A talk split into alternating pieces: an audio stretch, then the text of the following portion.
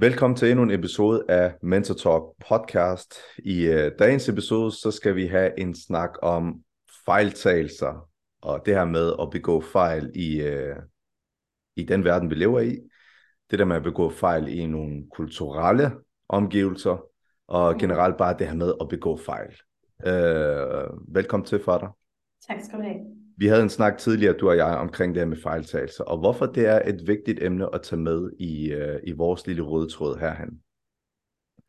Så for lige at starte stille og roligt ud til dem, som endnu ikke har set nogle af de tidligere episoder, så er mit navn Heider. Jeg er online coach til daglig, hjælper en masse mennesker med at komme i god form, blive en bedre version af dem selv, og så er jeg også mentor coach ved siden af.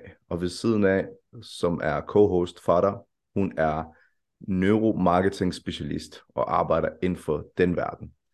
Yes. Øhm, yes, og øh, vi skal snakke som sagt om fejltagelser. Jeg har faktisk glædet mig rigtig meget til i dag, fordi jeg føler, jeg føler, at vi har mange ting, vi kan komme ud med. Det er et spændende emne i hvert fald. Ja, det synes jeg helt klart, det er. Og øh, vi skal have dykket ned i nogle ting. Vi skal have dykket ned i forhold til det her med at begå fejltagelser i nogle forskellige, kan man sige, afdelinger.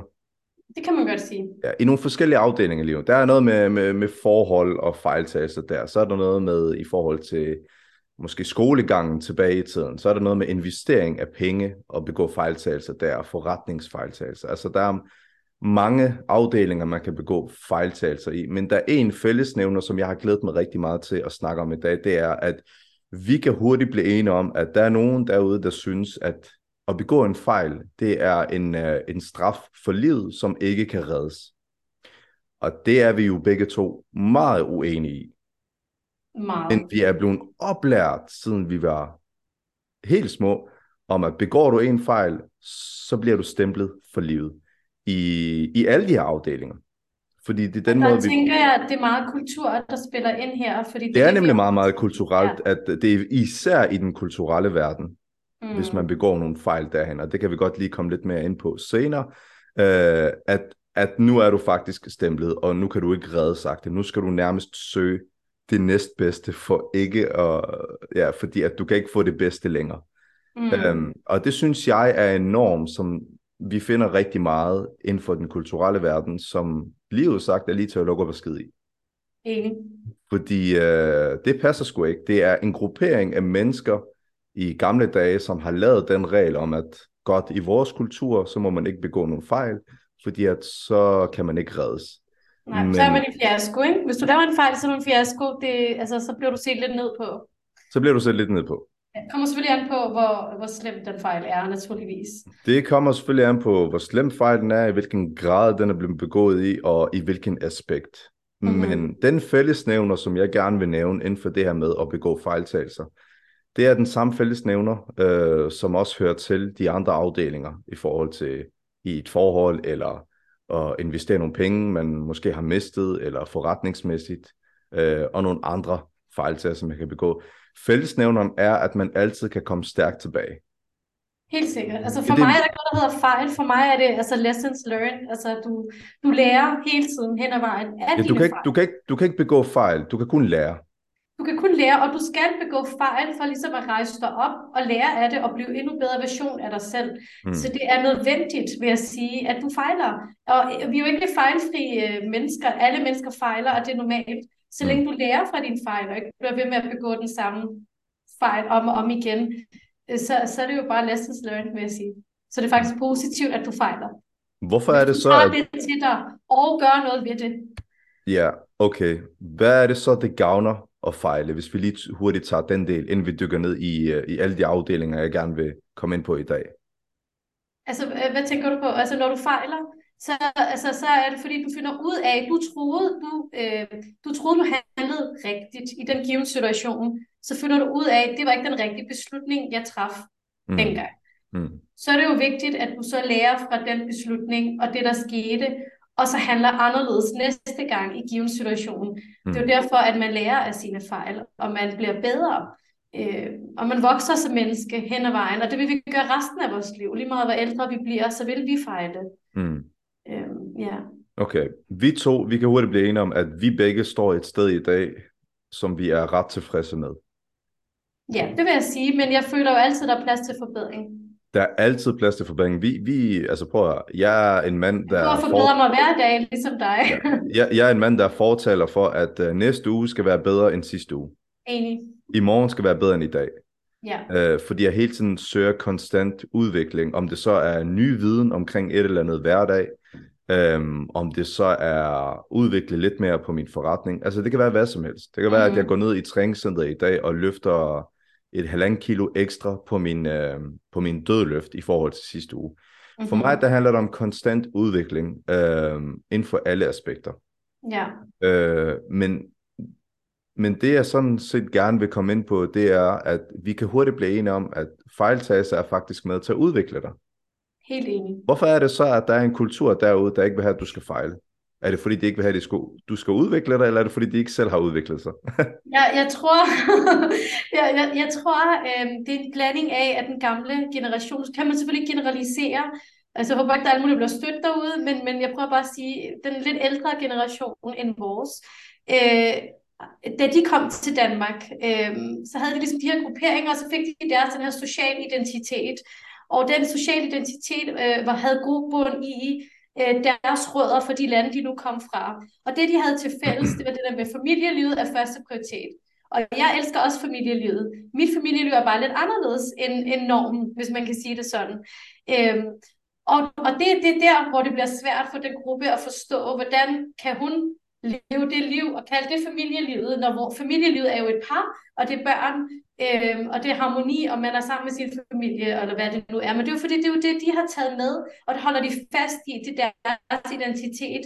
Og når man så afviger fra den, der sker noget, der er anderledes, så går du jo ud af igen af det der din øh, comfort zone, og du går ud, og det er noget ukendt, og det er noget farligt, og så er det jo igen social identitet, så bliver der set ned på en, fordi at de tænker jo faktisk på om hinanden, hvad de synes om hinanden. Øh, og de taler sammen, og det er den gruppe, de har fundet sammen med. Øh, de har ikke så meget, øh, jeg vil sige, danske venner. De, de er jo meget i de samme grupperinger hele tiden. Øh, og det er den måde, de tænker på. Nu, nu lyder det meget generaliserende, men det tror jeg, de fleste gør. De fleste gør, ja.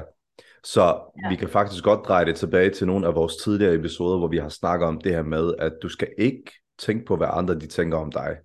Exactly. Så den her gruppering af mennesker, der er kommet hertil for at bibeholde alt, hvad de har i deres kultur, det du fortæller mig, det er, at de rent faktisk øh, i virkeligheden ikke gider komme ud af deres comfort zone og opsøge de her muligheder om, at fejltagelser kan også godt være en god ting. De holder fast i de her normer, som de er indfødt med fra, jeg ved ikke, som hvornår, øhm, og så har det bare valgt at holde fast i dem. Så det er faktisk en, et spørgsmål om, at det er stadigvæk nogen, som ikke gider at komme ud af deres comfort zone, tænke ud af boksen, og måske se det positive i at begå de her fejltagelser.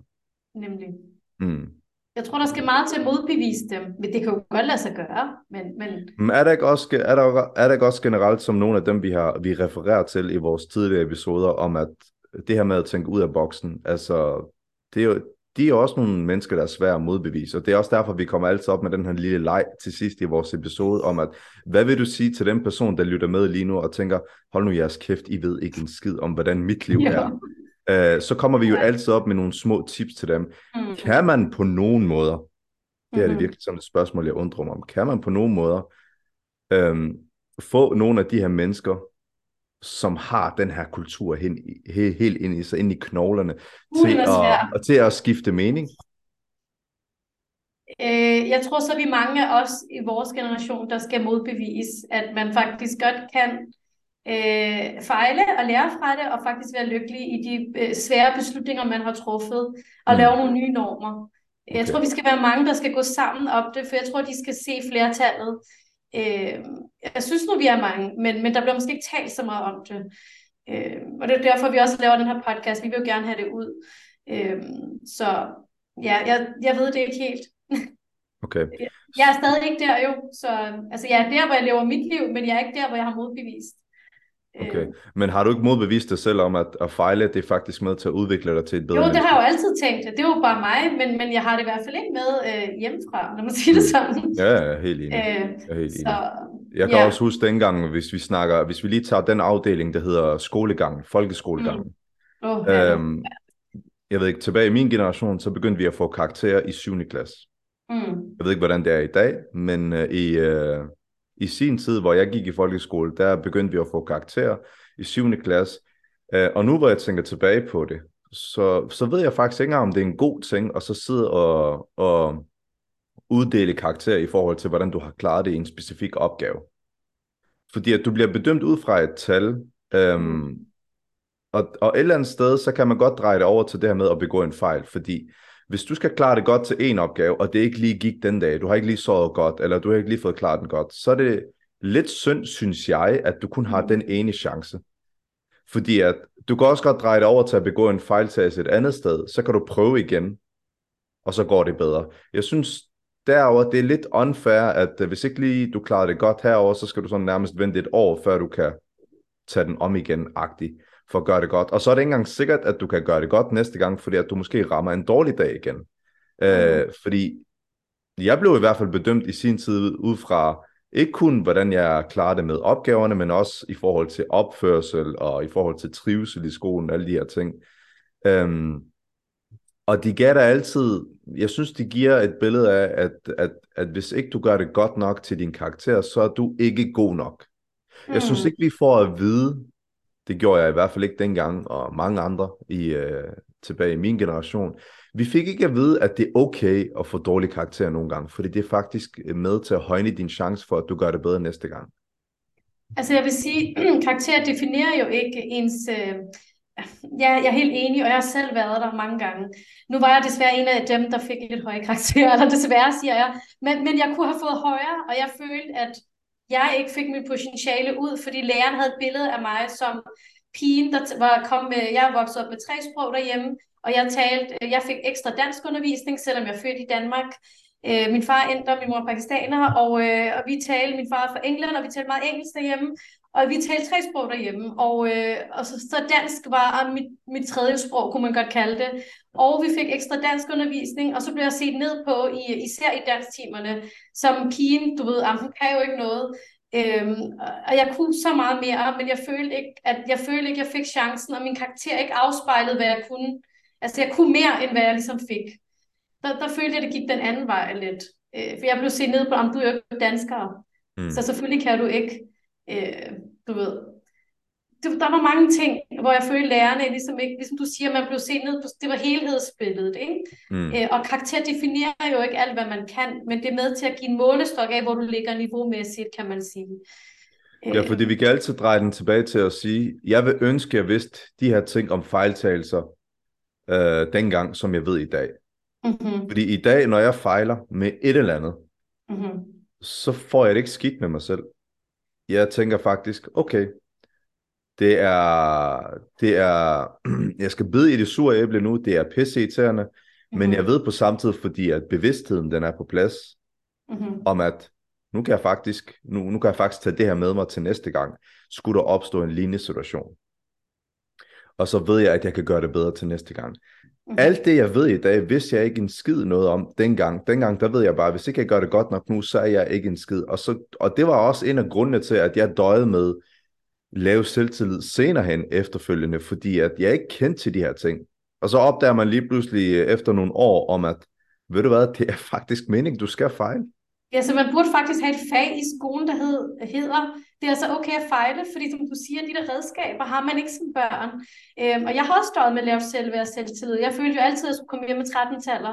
Jeg var aldrig god nok, hvis jeg ikke fik 13-taller. Mm. Min, øh, mine forældre øh, var meget sådan, du skal, have, øh, du skal score den højeste karakter. Det var meget sådan hardcore, du ved, man skulle være nummer et hele tiden. Og det satte bare et pres, og det har bare fulgt mig gennem hele livet at jeg skal være nummer et til alt, hvad jeg gør. Og ja, det, det er nemlig det, undskyld afbryder, det er nemlig det, det følger dig faktisk hele livet. Det følger en ubevidst. Du skal du være ja, du konstant ja. jagter, at mm. du skal ramme spot on, øh, eller du skal ramme plet for første skud. Ja. Øh, og så tror du faktisk, du ikke har flere patroner i, i dit gevær. Mm. Du har kun et skud, og one shot, som man siger det. Ja. Ikke også? Og hvis ikke du rammer rigtigt, så er du en fiasko, så er du ikke god nok, og så skal du faktisk til at nøjes fordi at det kan ikke reddes. Mm-hmm.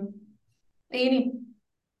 Og det er lige præcis sådan noget der, jeg synes, jeg har døjet med rigtig, rigtig lang tid, indtil jeg opdagede faktisk, øh, det er der, man så begynder at vågne op, og så begynder jeg sådan at tænke, der er jo ikke en eneste succesfuld mand eller Der ikke kvinde, har fejlet.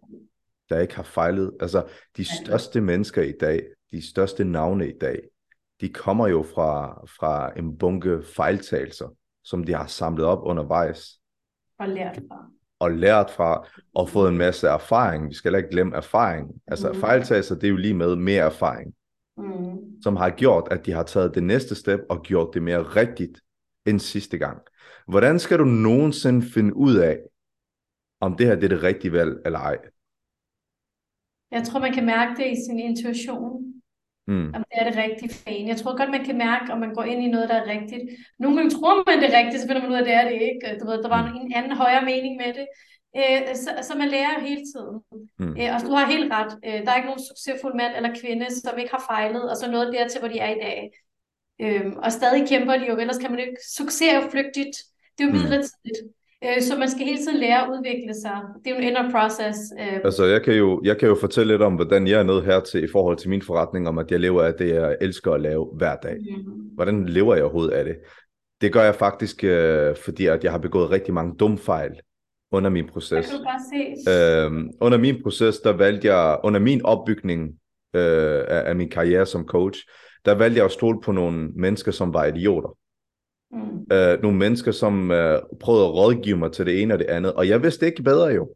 mm, Jeg ved bedre i dag, fordi jeg valgte at stole på den, øh, lægge mine penge hos dem, mistede alle mine penge, og så måtte jeg genopbygge mig selv igen fra bunden af, mm, og så komme endnu højere op. Og i dag, der kan jeg bare, altså jeg kan bare lugte en fejltagelse fra lang afstand, og så ved jeg lige præcis, det er ikke den rigtige beslutning. Men alle de her ting vil jeg aldrig nogensinde kunne have fundet ud af, hvis ikke jeg havde begået de der fejl tilbage dengang. Nogle mennesker Ja. prøvede at hjælpe mig med at, at, at gøre forretningen større. Den blev endnu mindre af det, fordi at deres rådgivning var noget pis. Okay. Øh, de fik mig til at bruge en masse penge på alt muligt. Øh, de røg også bare ud af, ud af vinduet. Jeg tror, der var et tidspunkt øh, under opbygning, så smed jeg måske i hoved, en hurtig hovedregning på 70-80.000 bare sådan ud af vinduet. Øh, og jeg tror, det gav måske et afkast på 3-4.000 kroner igen.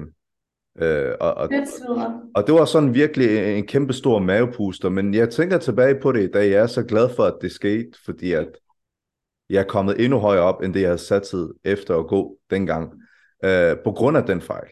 Mm-hmm. På grund, af det, på grund af den fejl, så ved jeg i hvert fald i dag, hvad jeg skal gøre, hvem jeg skal lytte til, hvem jeg ikke skal lytte til. Jeg er meget mere skeptisk. Er der nogen, der kommer og tilbyder mig et eller andet, så er jeg så vanvittigt skarp og skeptisk og stiller de rigtige spørgsmål, at jeg får dem til at få koldfødder, og så forsvinder de igen. Øh, alle de her ting fra dig, det, hvordan skulle jeg nogensinde finde ud af de her ting, hvis ikke jeg har begået de her fejl, jeg har gjort? Enig. Og det her, det er, så det her, det er forretningsafdeling. Mm. Ja, ja, det her, det er i hvert fald at smide nogle penge afsted, som man taber, så lærer man fra det, så ender man med at tjene flere penge på grund af den fejltagelse. Mm-hmm. Så du investerer faktisk i en fejl for at tjene endnu flere penge senere. Ja, så du gav ikke op. Du tænkte ikke, at fuck det, nu smider jeg det hele i, øh, du ved, i, ja, hvad hedder det, in the drain. Altså sådan dropper jeg det, men du, du fortsat, du rejste dig op igen og fortsat og har succesdage, og som du siger, du elsker det, du laver, og det kan man godt mærke, og du er Ja, dygtig til. problemet, problemet er bare, at øh, vi er blevet opvokset i en norm, der hedder, at hvis du fejler, så er du en fiasko. Så det jeg også kunne vælge at gøre i sin tid, Mm. det er, efter jeg fejlede på den måde, så kunne jeg bare dreje nøglen og sagt, det var det for nu, jeg er en fiasko, jeg bliver aldrig til noget. Mm-hmm. Det er jo det, jeg blev opvokset til. Det er jo det, jeg blev øh, Ja, opdraget det, det, det, er til. ikke, i- det er ikke særlig god pep talk til sine børn i hvert fald, øh, selvtillidsmæssigt. Ja, lige præcis. Og det er ikke så meget min... op.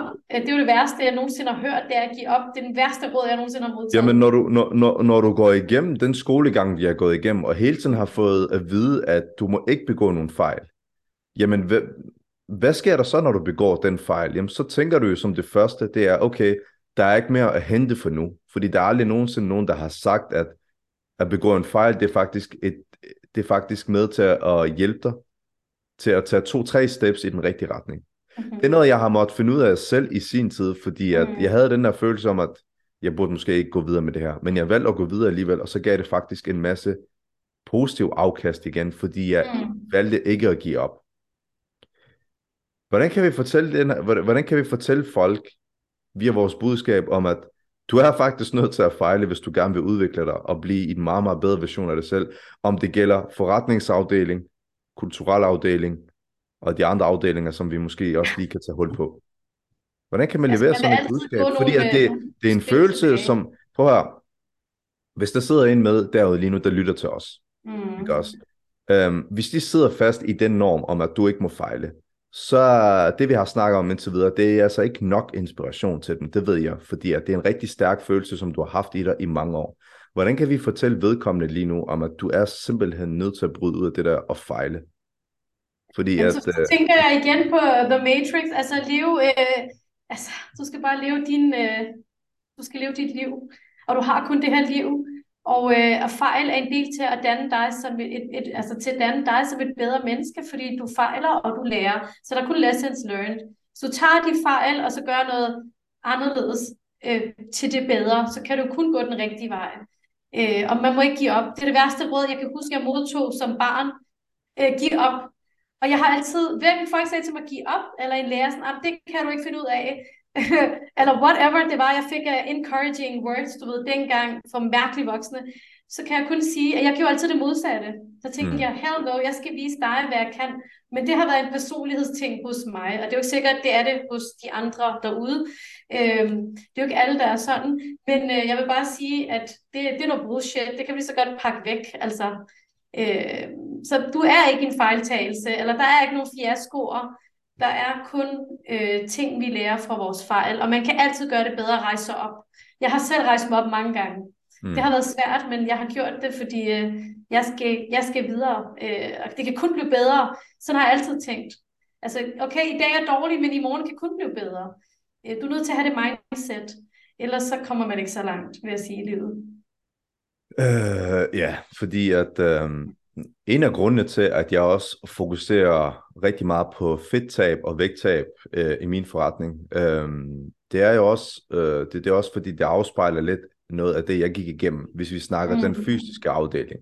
Mm. Øh, jeg har jo hele tiden, siden jeg er brudt ud af Matrix, til dem, som, øh, som går tilbage og ser episode 1, så giver det her mening. Men øh, da jeg brød ud af The Matrix, så, så, så begyndte, jeg, begyndte jeg jagten på at få en sixpack. Mm. Øh, da jeg brød ud af The Matrix, så, så tabte jeg jo en masse kilo. Jeg havde jo ikke en sixpack, men jeg tabte mig en masse kilo. Så det var jo vejen til at få mit vægttab, men så satte jeg endnu højere, så tænkte nu vil jeg gerne have en total flad mave. Altså en helt ripped mave, ikke?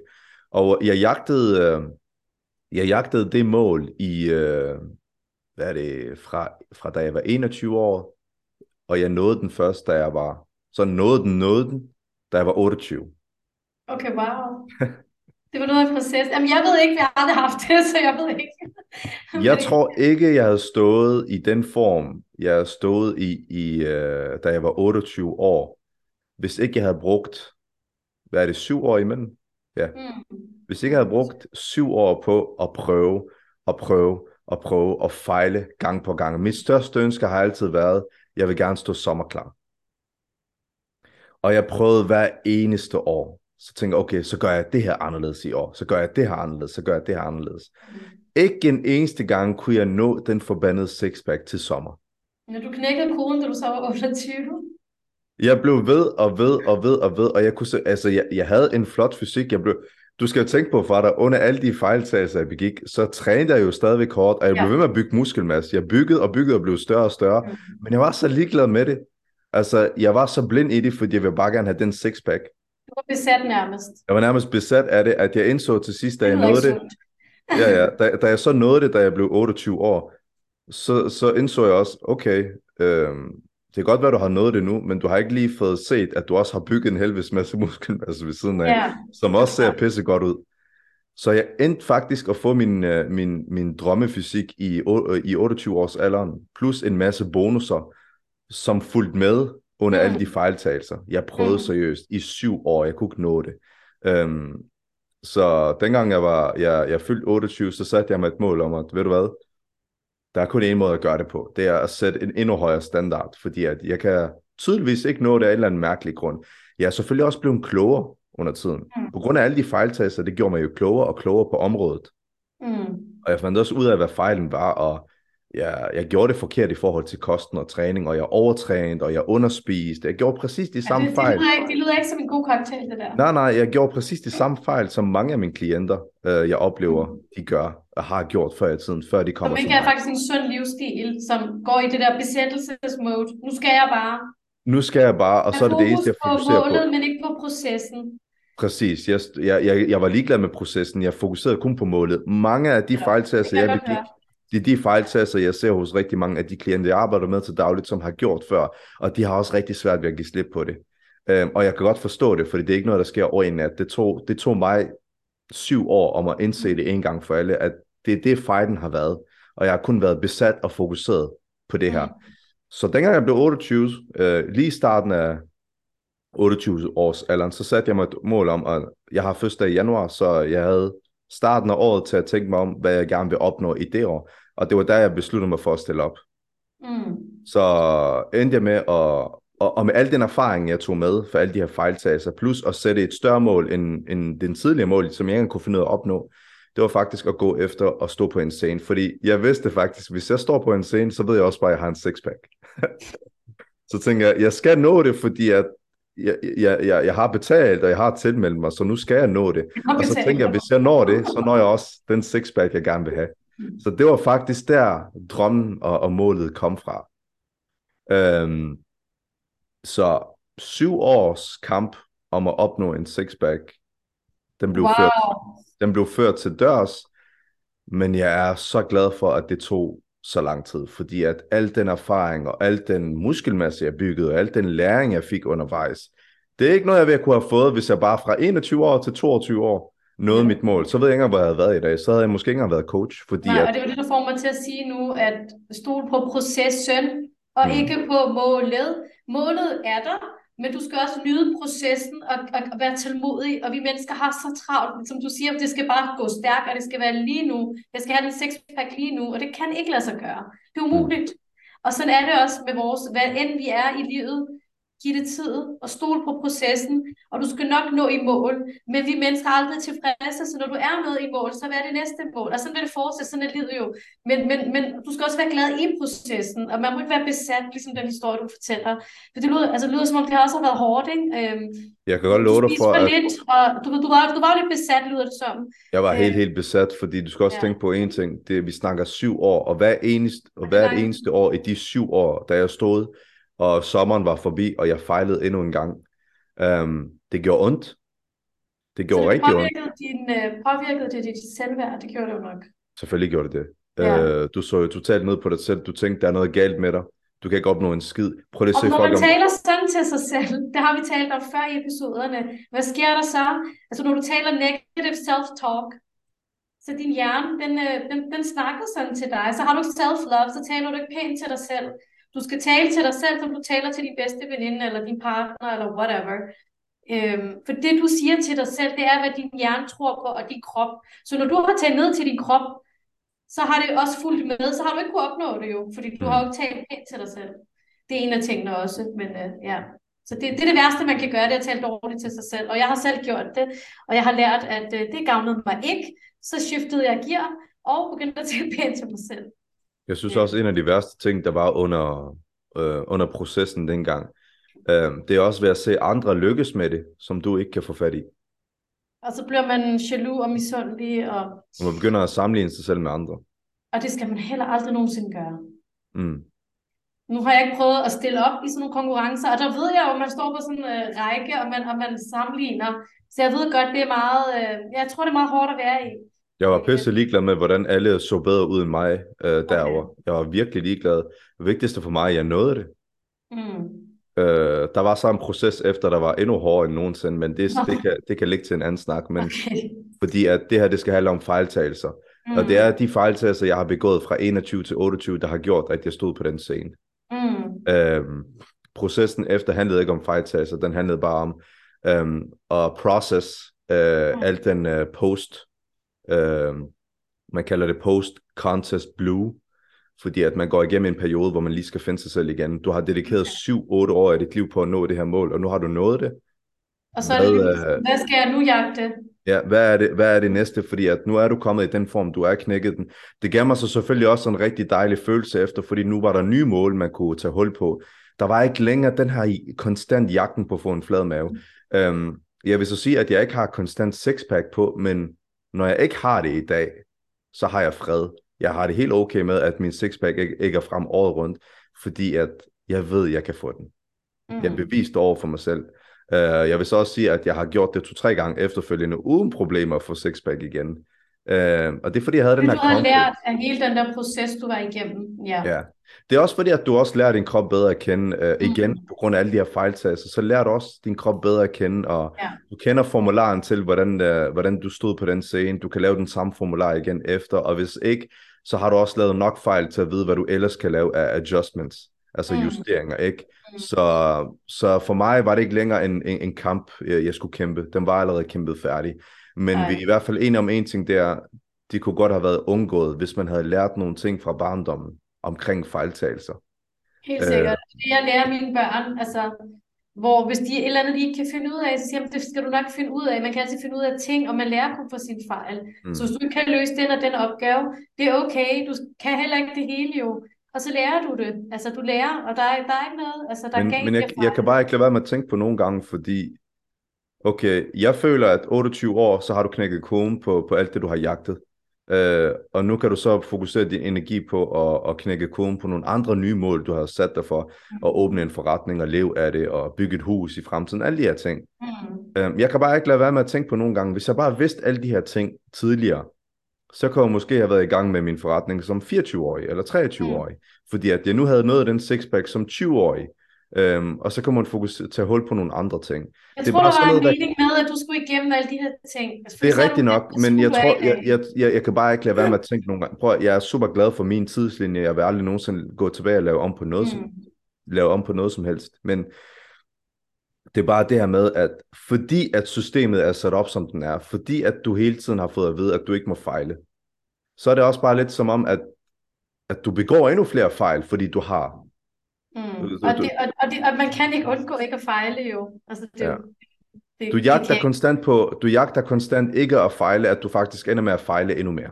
Ja, det tror jeg. Fordi ja. så, man gør altid det, man ikke må, eller hvad man siger. Du ved, ja, ja. Når du er så ivrig, når du er så ivrig efter noget, så fokuserer mm. du kun på én ting. Du glemmer hele processen. Du og så glemmer, fejler du, du jo de andre områder netop.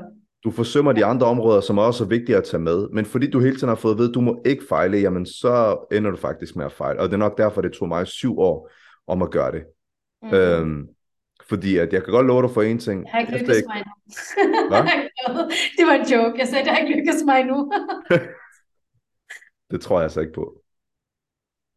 Sixpack, um, ja. Det, men, jeg, det tror heller ikke, jeg tror heller ikke, det er vigtigt. Det er jeg tror heller ikke, det er vigtigt for en kvinde at opnå en sixpack end en ung oh, gut, der gerne vil stå jeg, på starten. Jeg har, jeg har været besat træningsfreak, før jeg fik børn. Mine veninder tidligere Men sixpack alligevel, altså shredded abs. Jeg, jeg var shredded, jeg havde ikke en sixpack, jeg, jeg trænede som en psykopat syv dage om ugen. Allerede der, ikke? Mm. Jeg arbejdede fuldtid, og jeg læste fuldtid. Allerede der for mange bolde i luften. Selvfølgelig fejlede jeg også her og der. Men jeg, blev, jeg var hård ved mig selv. Jeg talte ned til mig selv, ligesom det du gjorde. Så jeg har været der i min start 20'er også. Øh, så hvis jeg mistede en træning, så var jeg bare sådan, nej, du, du kan ikke komme i mål. Du får ikke den der krop, du gerne vil have. Du får ikke den der markerede Negative self-talk. Yes. Så selvom jeg havde feber, så var det bare sådan, så stod jeg i træningscenter. Altså det er jo ikke, jeg var jo sygeligt besat. Så mm. jeg har lært rigtig meget, rigtig meget selv også, fra mine fejltagelser, vil jeg sige. Og det var også det, jeg lige sagde før, fordi at lige så snart jeg knækkede koden på den, og jeg, jeg vandt den der her kamp efter, efter syv år, altså det tog ikke mere end et par måneder om at få en fladmave igen, fordi efter en konkurrence til dem, der ikke ved det, man begynder at tage lidt på, fordi man har savnet mad, alle de her ting whatever, det er en uh, lang, det er en lang uh, ja. historie, men kort historie, altså lang historie, kort fortalt, så tog jeg lidt på igen, og uh, så var det ved at blive sommer, og så tænker jeg, mm, det kunne være rart at lige få en fladmave igen. Det er ligesom uh, konkurrencetiderne.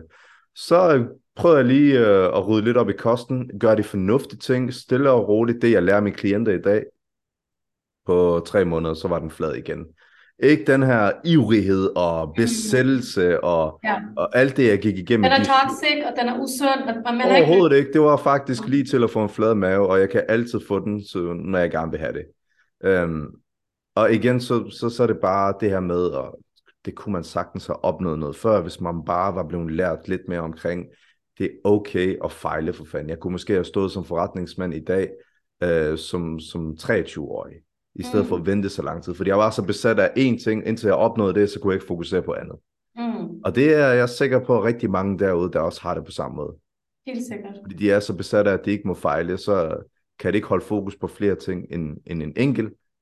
Øhm, ja, og igen det her med, at når altså, du er man skal helst holde fokus på en ting ad gangen, selvom vi tror, vi kan multitask. Og jeg har været, altid været sådan en, der sagde, at jeg kan multitask, men, men det kan din hjerne altså ikke. Så, så du skal fokusere på en ting ad gangen, men du kan godt have gang i mange ting. Men jeg tænker, jeg tænker mere Så. i de baner om, at du fokuserer konstant på ikke at fejle. Nå, jamen, så, så kommer du til at fejle. Så kommer du til at fejle. Sådan er det bare. Og du Ja. kunne faktisk have, have været for uden, hvis det var, at du fokuserede på de rigtige ting. Enig. Såsom, at det er okay at fejle. Mhm. Så tror jeg, at risikoen for at fejle, den er lavere. Ja, og du skal ikke være så hård ved dig selv. Øh, Du skal tale til dig selv, som, som jeg siger. Tale til dig selv, som du vil tale til din bedste veninde eller ven. Mm. Mm. Øh, husk det. Fordi, Skal vi, ikke, uh, skal vi ikke lige slutte af med nogle brain facts, fordi vi har ikke rigtig fået det med i dag. Er der nogle brain facts, der kan drejes over til uh, det her med at fejle? Hvad er det for en følelse, vi får? Og hvilken del af hjernen kommer til udtryk her? Jamen, det er jo al, altså altid, øh, altså når det følelser og emotioner, så er det jo den emotionelle del, og det er jo reptilhjernen. Øhm, og det er altid den, vi snakker om, men det er jo det er alle vores emner. Øh, Er det ikke den, der konstant er på? Den er, sover aldrig. Den er på hele tiden, og den er, altså, den er super hurtig. Øh, Den opfanger ting sådan her, hvor den rationelle er lidt langsommere. Den er faktisk et halvt sekund langsommere. Mm. Og det lyder ikke af meget lige nu, men, men den øh, reptilhjerne, den er altid på og vågen. Øh, og lige pludselig kommer der en tanke til dig, psh, det der med, ej, det der, det har du ikke styr på. Det der negative self-talk. Og hvor får den det fra? Fordi du gang på gang har talt sådan til dig selv. Fordi jeg har rykket min self-talk til nu er den positiv. Du kan alt, hvad du sætter dig for. Der er ikke noget, du ikke kan. Jeg får de der nu i mit hoved, Mm. mm. i stedet for dem, jeg plejede at få før. Fordi jeg har skiftet mine tanker. Jeg har hver dag fodret den med positiv viden. Øhm, så det er jo følelser, det her. Når, når vi fejler, så er det noget personligt. Det er vores selvværd, det er selvtillid, det knækker os. Øh, det er okay, du er nede den dag, eller hvad det er, men så rejser du dig op igen næste dag, og så prøver du igen. Du, du prøver, indtil du ikke kan. Altså, du prøver, prøver, prøver, til du når i mål. Og så stol på processen. Det er normalt. Lyt til Heiders historie. Det tog ham syv år at få sin sixpack. Det er bare et eksempel. Men, øh, men det er jo forskelligt, ikke? Altså, så man skal også stole på processen og give det tid. Trust Øh. the process. Ja, og det, det siger de alle de kloge bøger. Jeg læser Atomic Habits. Men der er også noget om det jo. Der er virkelig Mm. noget om det. Og det er en af verdens bedste bøger inden for øh, vaner. Den har vundet priser. Og han snakker konstant om trust the process. Så jeg blev helt brainwashed med det. Men, men du skal nok nå the end goal, men du skal også være lykkelig i processen. For du var ikke lykkelig, da du var i din six-pack-proces. Nej, Slet ikke. jeg var ikke lykkelig, da jeg var i min crazy træningsproces. Øh, Så, så man skal ligesom omlægge det. Man lærer fra sin fejl. Vi kommer aldrig til at gøre det igen, selvfølgelig, fordi det er usundt. Øh, Og vi var ulykkelige. Så ændre det. Ændre dit adfærdsmønster. Øh, Og så vær glad i det, du laver. Øh, Ja. Lige præcis. Jamen, øh, det er ved at være tid, så ja. Til dem, som har lyttet med i dag, tusind tak endnu en gang, fordi I støtter kanalen, I lytter med, I tuner ind. Husk, at, at I kan lytte til podcasten ind på Spotify og diverse podcast-apps, og vi er også til at finde på YouTube, hvis I også vil gerne vil kigge på os, mens vi snakker. Øh, og hvis I er inde på YouTube, så husk at subscribe, husk at kommentere næste emner, I gerne vil have os til at tage hul på i fremtiden. Husk at like videoen, følg os begge to på Instagram, det står lige, lige under hver vores skærm. Det vil betyde rigtig meget for os. Det vil det. Tusind Tak tak. for i dag.